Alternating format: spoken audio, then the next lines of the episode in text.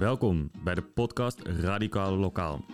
Ik ben Younes Douari en samen met Nietkoop Dubbelboer gaan wij op zoek naar hoe de grotere problemen van de huidige tijd opgelost kunnen worden door burgers meer directe zeggenschap te geven. De filosofie die dit behelst heet lokalisme.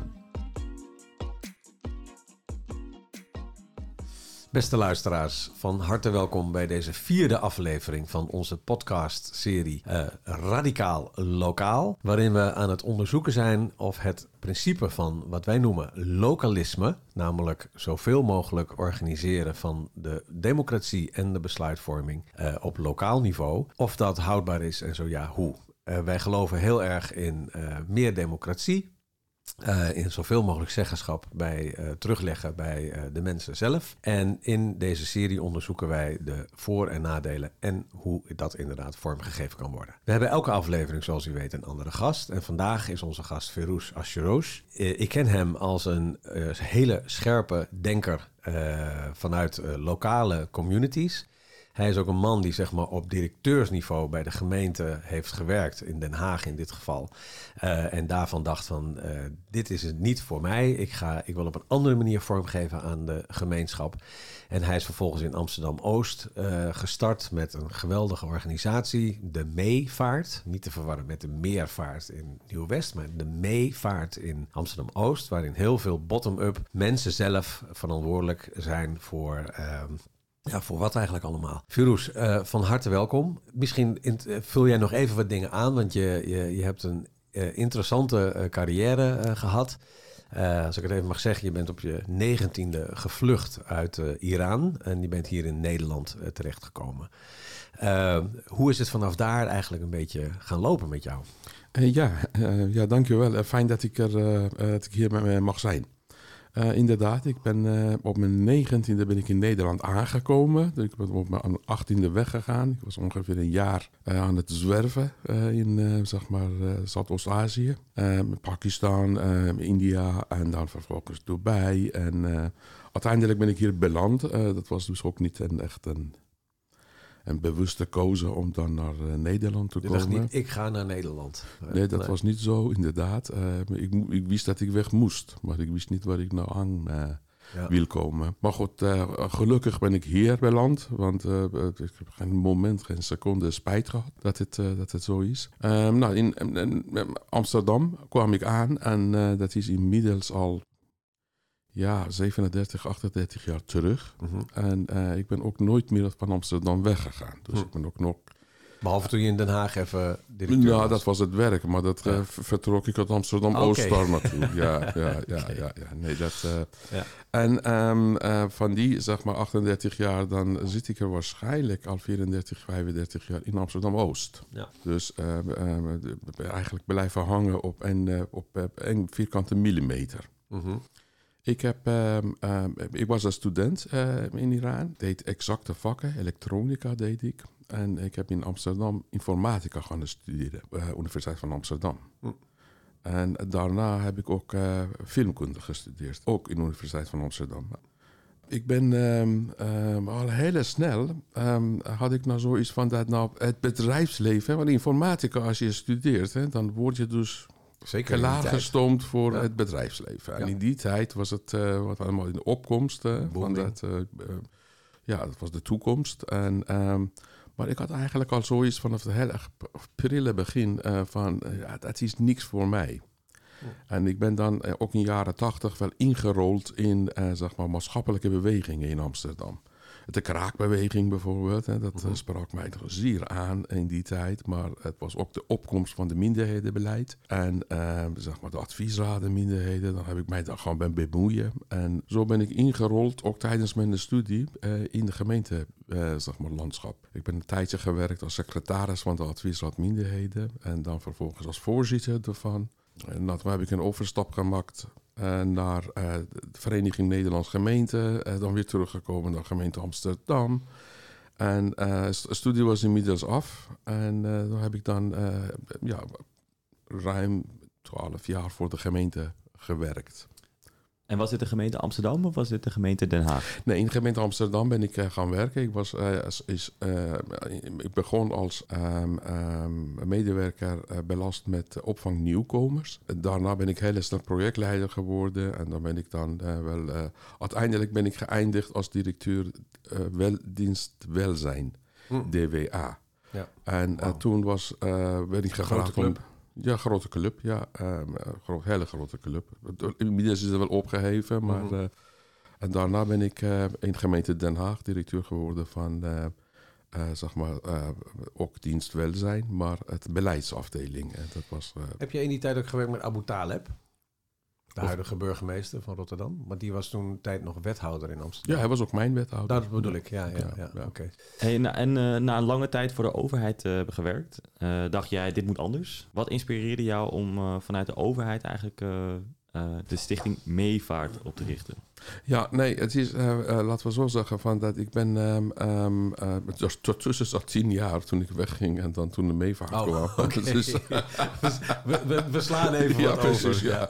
Maar laten we kort even zeggen van dat. Nou, ik ben, um, um, ik had gewoon op een gegeven moment wel behoefte aan uh, om uh, te, te innoveren.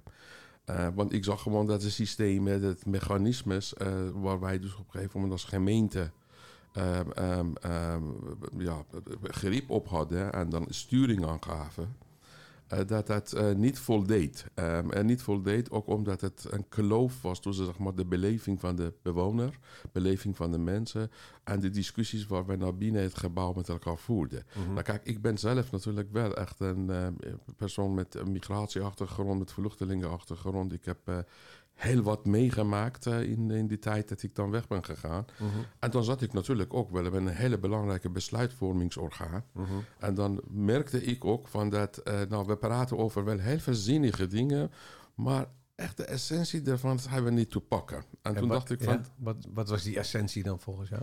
Het essentie, kijk, het, grootste probleem en de grootste essentie was van wij zagen altijd, uh, en we zien nog steeds altijd, dat het oplossen van de complexe uh, maatschappelijke problematiek uh, een zekere mate van integraliteit nodig heeft. Mhm. En we proberen altijd gewoon die integraliteit binnen het systeem vorm te krijgen. Door, even, even misschien voor, voor de luisteraar die, die niet helemaal weet wat integraliteit in dit opzicht betekent. Je bedoelt, het is allemaal verkokerd georganiseerd in de gemeente, verschillende afdelingen, verschillende beleidsterreinen.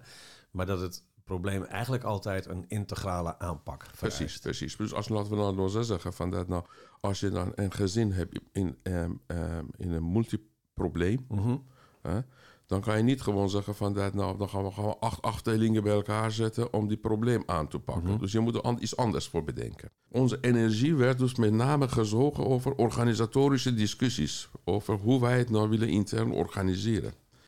En ik had het veronderstelling, en dan weet ik van, van of veronderstelling, overtuiging, dat je dan het om moet draaien. Je moet gewoon vanuit die gezin beredeneren en dan zeggen wat er voor nodig is.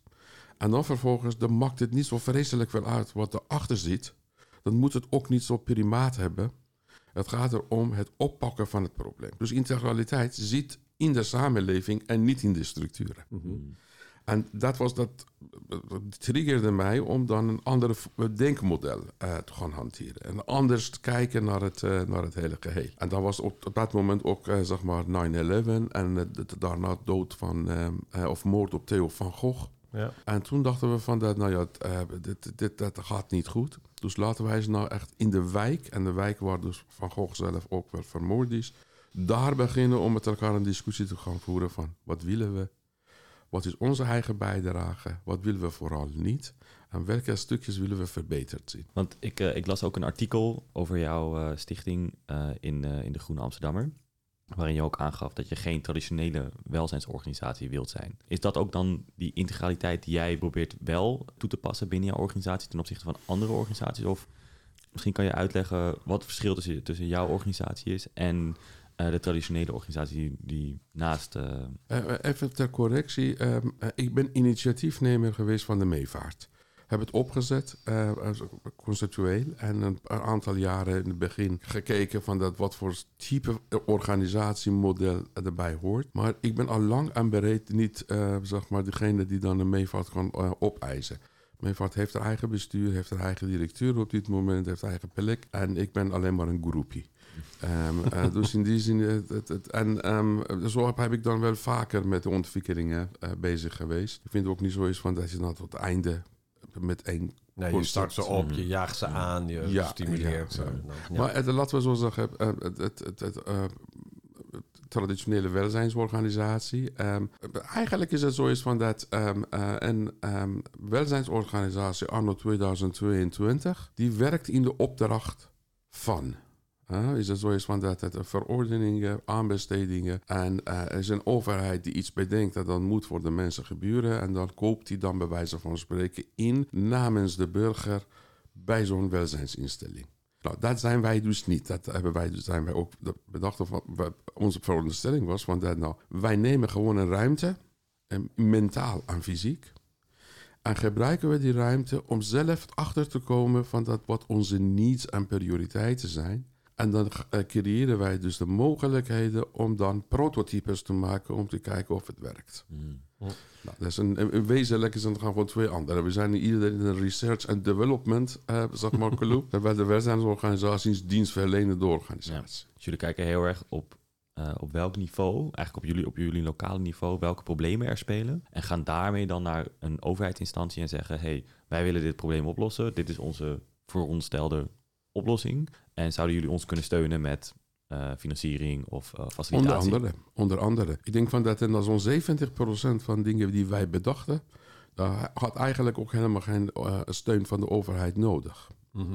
En dat is nog steeds zo, want we zitten nu ook in, zeg maar, eh, traject van Samen vooruit. Het is gewoon echt gericht op duurzaamheid, pedagogisch klimaat, eh, eh, bestrijding van armoede, lokale democratie. En, en nou, pakweg 90% van wat we nou aan het doen zijn, dat doen we gewoon zonder eh, eh, overheidssteun. Maar Ja. de overheidssteun heb je nodig om dan een organisatie te behouden. Kijk, en dat is ook een van de belangrijke redenen waarom we jou hebben uitgenodigd. Hè? Omdat zeg maar, in ons eh, eh, filosofie van lokalisme kijk je heel erg naar de mate van zelfvoorzienendheid vanuit eh, de gemeenschap. En wat, we, ja, wat, wat, wat het moeilijk maakt is natuurlijk dat we wel in een hele systemische wereld zitten. Hè? Die, die overgeorganiseerd is, zou je bij kunnen zeggen. We hebben een verhaal geschreven over hè, wat, wat een beetje de principes van het lokalisme is. Met eigenlijk twee kernelementen. Eén, namelijk laat zoveel mogelijk over aan mensen zelf die gemeenschap. En als er dan besluiten worden genomen die wel boven de gemeenschap uitspelen, boven die, die, die, die fysieke gemeenschap, hè, dus eh, de Amsterdam-Oost zal ik maar zeggen, eh, misschien nationaal zelfs, misschien zelfs internationaal, bedenk dan een systeem waarin de zeggenschap op dat probleem ook wel vanuit het lokale in eerste instantie wordt vormgegeven. Je hebt het artikel gelezen. Eh, wat, wat, is, wat is jouw reflectie daarop vanuit jouw eigen praktijk, zoals je nu ook zeg maar redeneert en eh, jouw filosofie is van hoe dingen georganiseerd kunnen en moeten worden? Ja, ik, ik onderschrijf die twee punten, sowieso. Het is de zeggenschap, eh, ehm, ehm, om dat nou wel terug te brengen, daar waar dus op een gegeven moment de, de, de directe leefomgeving van de mensen aangaat. Dat is een hele belangrijke. En, en lokalisme, met andere woorden, van dat, dat wij dus op een gegeven moment na moeten denken over eh, gemeenschapsvorming en dan eh, eh, op een zekere mate van autarkisme. Om daarvan dan eh, eh, een aantal zaken hè, eh, te organiseren. Dat, eh, dat onderschrijf ik ook. Eh, er zit een keerzijde aan. Uh, en de keerzijde is dat is het van uh, dat moet niet leiden tot chauvinisme. Uh, dit lokalisme is er zoiets van dat nou, we blijven altijd een onderdeel van de globale samenleving. En, en uh, ook datgene wat we doen, dat moet een effect hebben op zeg maar, het globale niveau. Dus die binding moeten wij dus niet kwijtraken, dat is één. En het tweede is, there is always a dark side of community. Mm-hmm. En het is gewoon zo van dat het, het, laten we zo zeggen, het dorpsleven is wel heel erg, uh, heel erg fijn en leuk en veilig. Maar tegelijkertijd is bemoeienis en, um, en roddel en achterklap en, en, noem maar op. Dus daar zijn alle, alle twee tegelijkertijd aanwezig. Maar in essentie ben ik er, ben ik er heel erg mee eens. Al zeg ik nou bijvoorbeeld van dat, wat, wat, wat ik straks ook noemde, namelijk over dat integraliteit van het, zeg maar, de bewoner en de gezinnen het niet per definitie iets is wat dan alleen maar in mijn gebied uh, is. Ik, ik, denk van dat wij dus als systeem, als overheid, als, als land, als de staat, hoe je het wil noemen, Eh, die paradigma moeten gewoon uh, uh, hanteren. Mhm. en dat maakt niet uit of je dan bijvoorbeeld in Amsterdam-Oost ziet... of dan in Zandam of in Leeuwarden. Mhm. Het gaat met name om dat de, de, integraliteit anders te definiëren. Dus daar waar dus op een gegeven moment wij dan dingen aan het doen zijn in Amsterdam-Oost... Mhm. hopen wij dat we dan een vorm van blauwdruk aan het maken zijn... die dan bijdraagt bij het verschuiving van die uitgangspunten... die paradigma's bij, bij het beleid.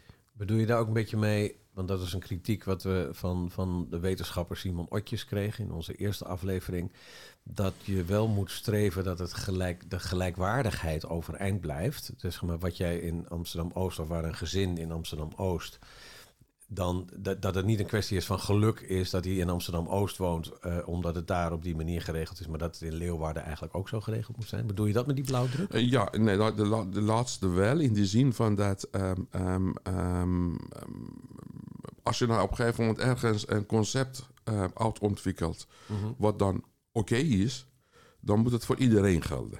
Dus in ja. die zin is het zo. Uh, dat, dat, um, um, dat, daar ben ik mee eens. Um, gelijkwaardigheid vind ik een lastig term.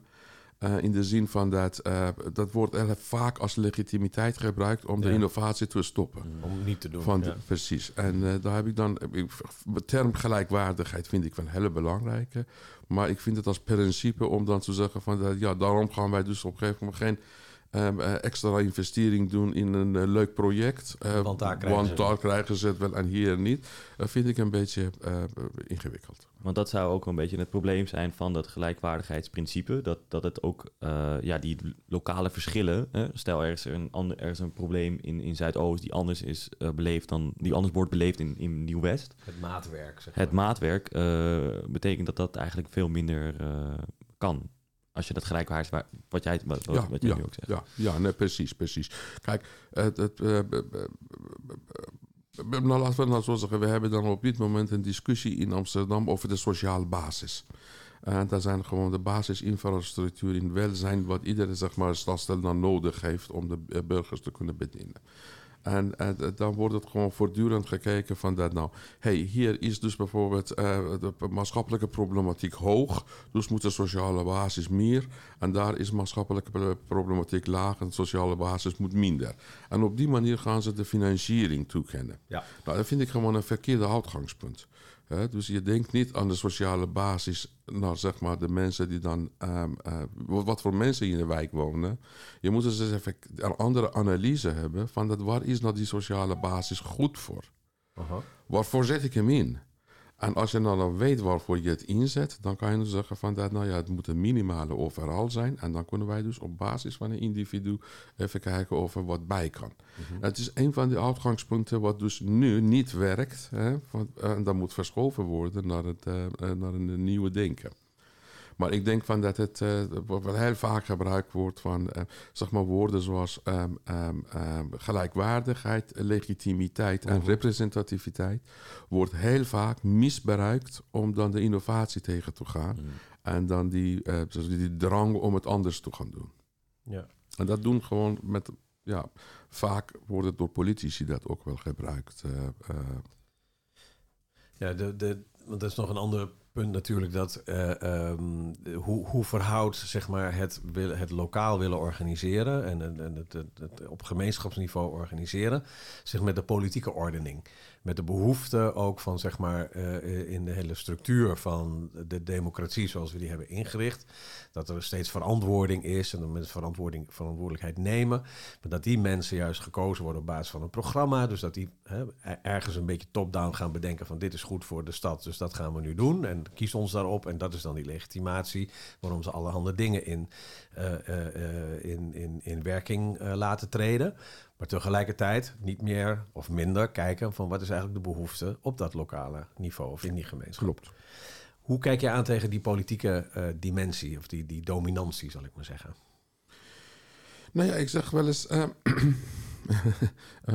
dat, dat, dat, het lijkt alsof wij dan in Nederland democratie door politieke partijen laten gijzelen. Mm -hmm. Um, in de zin van dat als het nou over democratie gaat, dat, dat, ja, dan gaan politieke partijen erover. Wij gaan over echte dingen. Ja. als bewoner. Uh, dat vind ik wel. Politiek is alles. En alles is politiek. Uh, de keuzes die ik in mijn leven maak, is politiek. Um, um, zeg maar, of ik nou in de complotte theorieën wil gaan geloven over vaccinatie. Of denk ik dat nou Bill Gates, bij wijze van spreken, de wereld aan het overnemen is, is politiek denken. Mm het is allemaal zo'n opvatting. En dan is het zo, van als alles politiek is dan moet ook democratie gericht zijn op al die zeg maar, variaties en al die diversiteit. Uh, en dan niet alleen maar die kokers van de politieke partij. Mm -hmm. Het punt is alleen maar, degene die het kan veranderen is de politiek zelf. En dan krijg je van de baron van Munchausen syndroom dat je dan jezelf uit je eigen haar uit een moeras moet trekken. En, uh, en uh, dat is ingewikkeld, moeilijk. Kijk naar Cenk Willink, die dan de hele tijd probeert gewoon door zijn publicaties uh, daar een vernieuwing te brengen. En het niet lukt, hè, want het land niet.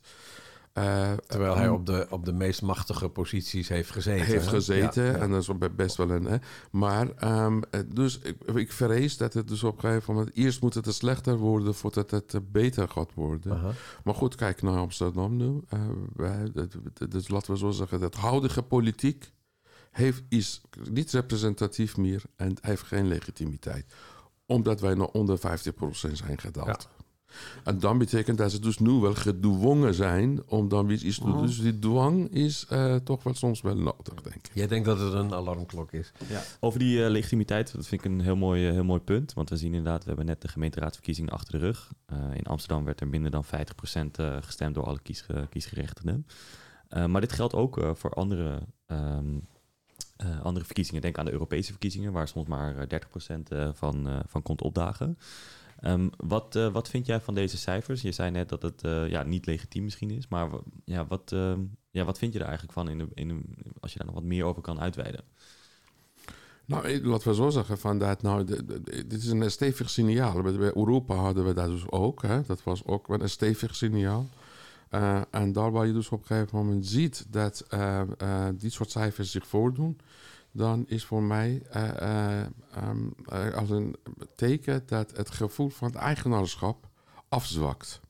Want hoe meer je dus op een gegeven moment eigenaar voelt van het onderwerp, hoe meer jij geneigd bent om daar ook je stem te laten horen. Ja, en dan op dat eigenaarschap, dan is dan de vraag: hoe, hoe krijgen we dat eigenaarschap dan weer terug naar de burger? Want als een, als een burger eigenaarschap heeft, dan gaat hij zich bemoeien, dan wil hij investeren, dan uh, dan gaat hij, zich, gaat hij zich uitspreken. Dus hoe, volgens jou, krijgen we dat eigenaarschap weer terug naar de burger? Ja, want het is, het is de kern eigenlijk ook wel van ons, uh, van, van ons artikel, hè, van onze streven naar lokalisme, is dat het eigenaarschap weer terugkomt. Omdat we het inderdaad eens zijn dat door eigenaarschap krijg je betrokkenheid, krijg je verantwoordelijkheid.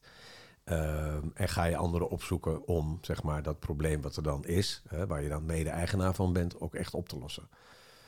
Ik denk dat die eigenaarschap er al is. Mhm. Dus het moet niet meer terugkomen. Het, wij moeten gewoon aansluiten bij dit nieuwe type eigenaarschap, wat wij dus geen uh, malle moer van snappen. Uh, wij gaan gewoon als uh, muzikanten op Titanic gewoon door te tetteren in de oude, zeg maar, terminologieën. Mhm. Terwijl de samenleving verandert, andere vormen van eigenaarschap definieert. En wij weigeren gewoon daar aan, aan, aan te haken. Maar je vindt het nog niet, sorry Jonas, maar je vindt het nog niet, het is nog niet ernstig genoeg. Want ik, ik vrees, want jij denkt dat het nu, omdat het onder de 50% is gezakt, dat die legitimiteitscrisis door de politiek gevoeld wordt. Maar ik ben op twee uitslagenavonden geweest en het wordt even genoemd, maar verder is het een en al feest. En een en al fijn, want wij hebben een beetje gewonnen of we hebben niet zoveel verloren. Dus ik, ik, ik weet nog niet of die alarmklok hard genoeg slaat, zeg maar, om echt systemische veranderingen te entameren. Ja, ik bedoel dat men heeft dus wel enorm gelachen en enorm gefeest. Dat is ook op zich wel heel erg goed. Ik ook hoor. Ik was ook wel erg blij dat we dan links-progressieve stad zijn geworden. Mhm. En dan heb ik gat in de lucht gesprongen. Maar we hebben allemaal gelachen uh, als ik uh, boer met de kiespijn. Ehm, in die zin is het zo is van dat nou, we, we, hebben, we hebben het allemaal door. Van dat uh, hey, uh, het wordt iets uitgehold. Maar wat is dat nou precies ja, wat precies, uitgehold wordt? Want, want om even terug te komen, u zegt uh, de zeggenschap is er. maar u geeft ook aan dat de gemeente eigenlijk steeds meer een soort van partij wordt die eh, dingen wil inkopen en niet meer aan de burgers zelf de, de zeggenschap en eigenaarschap wil geven om problemen op hun eigen manier op te lossen. Dus hoe linkt u die twee eh, eigenlijk bij elkaar? Want u kan ook zeggen, u kan ook stellen, door, doordat we dingen meer centraliseren, doordat we eerst meer Den Haag dingen laten beslissen en Europa, dat de burger steeds meer het gevoel heeft van, ik heb hier, ik heb hier geen melk in te brokkelen. Ja. Dus hoe, hoe, hoe linkt u, die, hoe linkt u uw, uw statement van... hey, we hebben, we, hebben, we hebben zeggenschap, dat is er gewoon... met ook uw eigen analyse dat de gemeente eigenlijk steeds meer... eh, geen, eigenlijk de zeggenschap bij de burger weghaalt. Nou, laten we zo zeggen, eh, ik, ik zeg van dat zeggenschap, eh, eh, heb ik niet gezegd dat er nog is. Eigenaarschap is er wel. Ehm, zeggenschap is er niet, nee. Het is heel weinig, moet ik zeggen. Maar die eigenaarschap is er wel. Het punt is alleen maar van... Dan word ik een beetje filosofisch misschien. Ik weet niet of de bedoeling is, maar... ehm, als je nou zegt van dat nou, de bewoners horen eigenaar te zijn van het politiek systeem. Hè? En daarmee dan moeten ze dus op een gegeven moment meedoen met de verkiezingen. En omdat zij dus niet meedoen, dan zijn ze dus op een gegeven moment geen eigenaar van het politiek systeem zoals we hebben. Dan is het inderdaad wel zo. Maar je zegt dat mensen zijn eigenaar van hun directe leefomgeving. eh, en eh, dat is wat anders. Dus laten we zo zeggen, ook mensen die niet stemmen, voelen zich wel eigenaar voor hun directe leefomgeving. En de eigenaarschap is niet eh, zeg maar een iets wat je dus instrumenteel kunt definiëren. Het is eerder een gevoel. Nou, nou dan maken wij dus in principe wel ehm, eh, van het, ehm, wij bedoel ik als samenleving, als, politiek systeem, wij maken een denkfout om door te denken dat ehm, eh, als we dan zeggen van lokalisme, dan praten we over wijken en buurten. En dan denken we gewoon van dat, nou oké, dan gaan we lokalisme eh, doen en dan gaan we gewoon een stadsdeel pakken. Of dan bijvoorbeeld een wijk pakken. En, er is eh, een essentieel verschil tussen zeg maar, eh, het land delen in de wijken en geografische gebieden. Om daar de instrumenten die je dus hebt, wat, wat meer met elkaar verbonden in samenhang in te zetten. Dan dat je dus op een gegeven moment zegt van dat wat is de directe nabijheid en de leefomgeving van de individuen. Nou, als je naar mij nou bijvoorbeeld kijkt, ehm, ehm, ik ben al bij, bijna 40 jaar Amsterdammer, 35 jaar ervan in Amsterdam-Oost. Eh, ik kom uit Iran, eh, dus met 18 jaar ben ik in Teheran geweest en mijn hele familie die woont in L.A. Eh, en ik ga dus een kleine stekje heb ik in Zuid-Spanje en dan ga ik twee of drie keer per jaar naar Spanje. Dat is mijn directe nabijheid. En ik ben met een Zweedse getrouwd. Hè, dus het, mijn, mijn schoonfamilie zit in de Stockholm. Nou, dit is mijn buurt. En als je naar buurtgelicht wil werken en naar mijn buurt komt, dan zit je gewoon in die omgeving. Dat is voor mij nog steeds wel erg lokaal.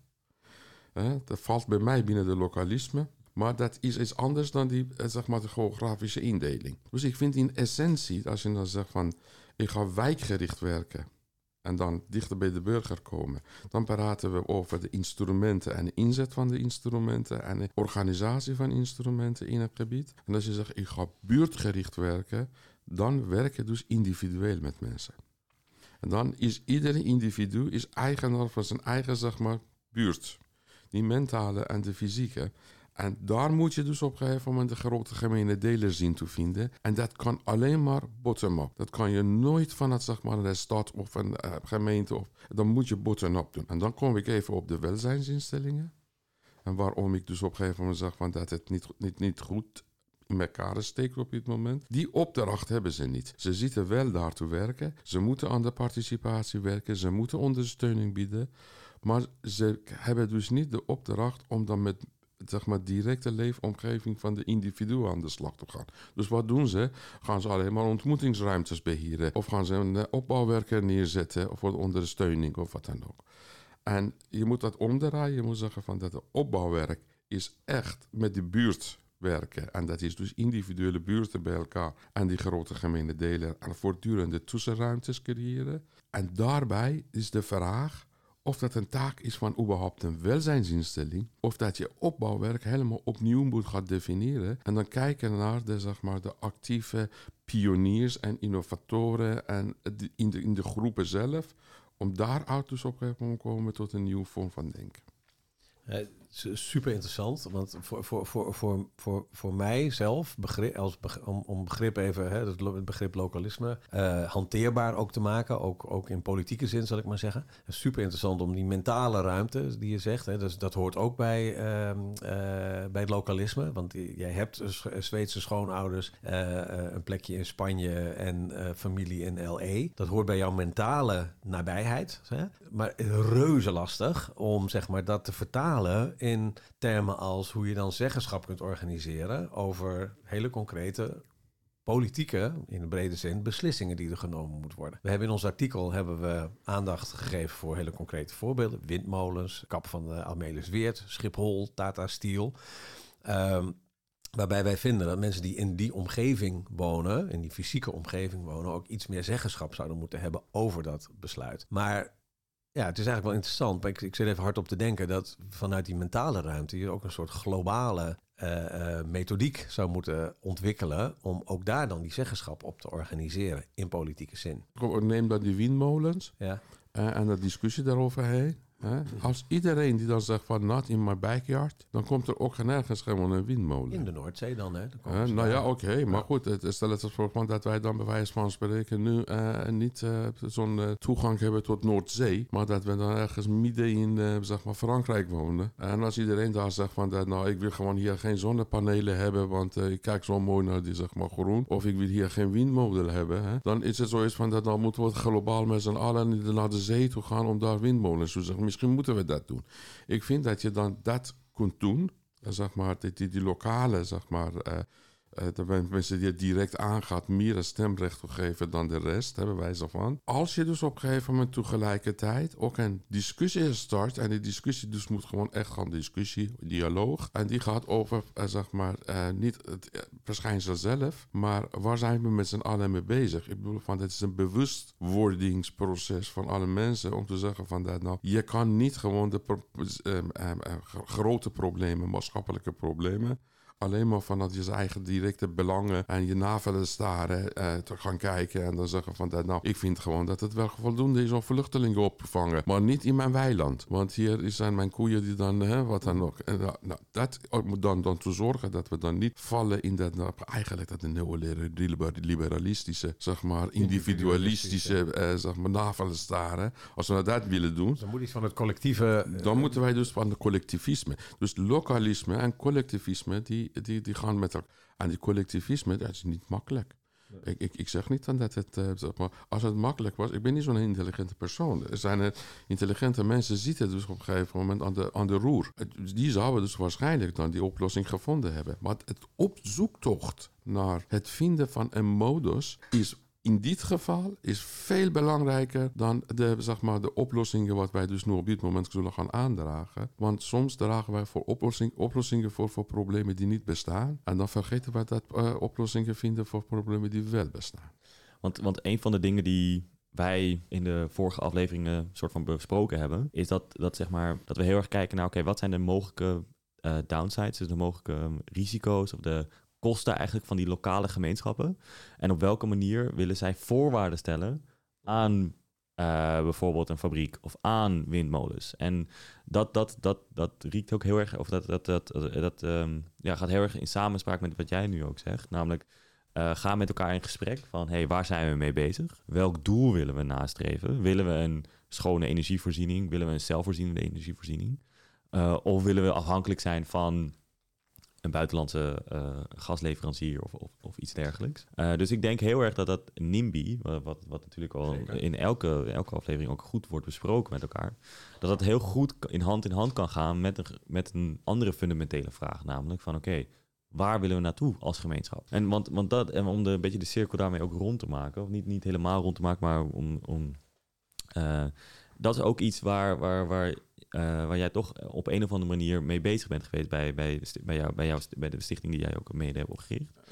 Ja, dat is eigenlijk, dat, zeg maar, dat, dat, is, dat, dat is dat alles waar ik mee bezig ben. Dat is, uh, en dan ik moet je ook zeggen van dat nou, uh, wij hebben dan een aantal jaren terug een discussie gehad over, zeg maar, vluchtelingen die dan vanuit Noord-Afrika hier, of migranten die dan vanuit Noord-Afrika naar, Neder uh, naar Europa kwamen. En dat ontstond dus op een gegeven moment ook een discussie over van dat nou, als je nou op een gegeven moment zegt, de lokale, die hebben het voor het zeggen, dan zou je zeggen van dat alle landen dan aan het Mediterranee, die moeten dus op een gegeven moment zeggen of ze dan moeten komen of niet moeten komen. Dus wij in, zeg maar, Nederland moeten we ons eigenlijk een beetje van afzijdig houden, want ze komen toch niet direct hier naartoe. Want we kunnen ook zeggen, als, als, als, als Amsterdamse gemeenschap kunnen we zeggen, oké, wij, wij willen capaciteit maken voor vluchtelingen uit land, uh, uit weet ik, ja, gewoon een land wat in, in, in, ja. in problemen is. Dan hebben wij als lokale gemeenschap daar op zich ook wel ja, zeggenschap op. Wij hebben, wij hebben dat ook gedaan. In, in, in 2016 in Amsterdam-Oosten wij dan zelf opvang voor, uh, voor zeg maar, vluchtelingen geregeld, tot twee keer toe. Uh, en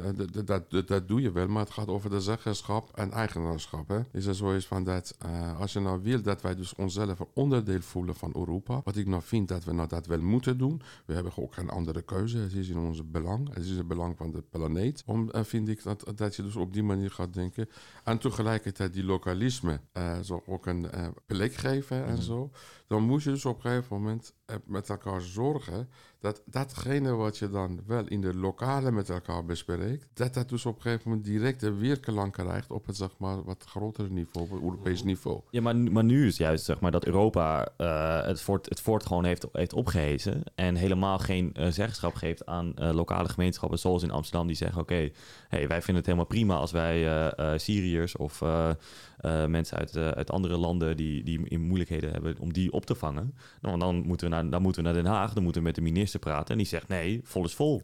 Mhm. Dus dan, dan, hebben we toch helemaal geen zeggenschap. Dan worden we toch juist soort van tegengehouden tegen een door een centrale gestuurde overheid die bepaalde uh, idealen heeft en bepaalde denkbeelden. En heel vaak ook het argument van het algemeen belang uh, pretendeert te hebben.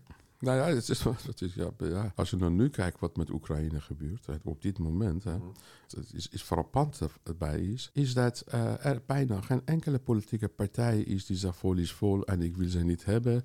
Sterker nog, iedereen staat op de zeg maar, barricade zeggen we moeten wel hebben. Waarom 50.000 moet 100.000 zijn en zo. En het ombouwen. En uh, precies, en daar zie je gewoon dat hele discussie niet. En ook het, het, voor het eerst dat wij dus op een gegeven moment met elkaar roepen van dat ja, wij als Europa moeten gewoon een uh, goed antwoord. Dus ineens worden we Europeanen en ineens denken we van dat steken in de defensie defensie, ja hoor, stuur maar gewoon de grenzen en noem maar op. We zetten maar gewoon daar een muur tegen die Russen. Dus alles wat wij nou ongeveer twee jaar terug uh, vlukken in de kerk was, is nu eens weg. En waarom is dat? Het is omdat wij dus nou voor het eerst dus op een gegeven moment zien dat dat uh, een gevaar is voor ons bestaan. Dus het komt dichtbij. En omdat het dichtbij komt, dan is het in jouw buurt, in jouw nabijheid. En ineens, dan heb je dan wel een andere mening daarover. Dus dat die lokalisme is in dit geval leidt tot uh, legitimiteit legitimiteit van de politieke besluiten en tegelijkertijd ook, uh, zeg maar, uh, lokaal en uh, globaal of lokaal en bovenlokaal mm. zit heel erg mooi met elkaar in harmonie. Omdat het ons aangaat, omdat wij nou,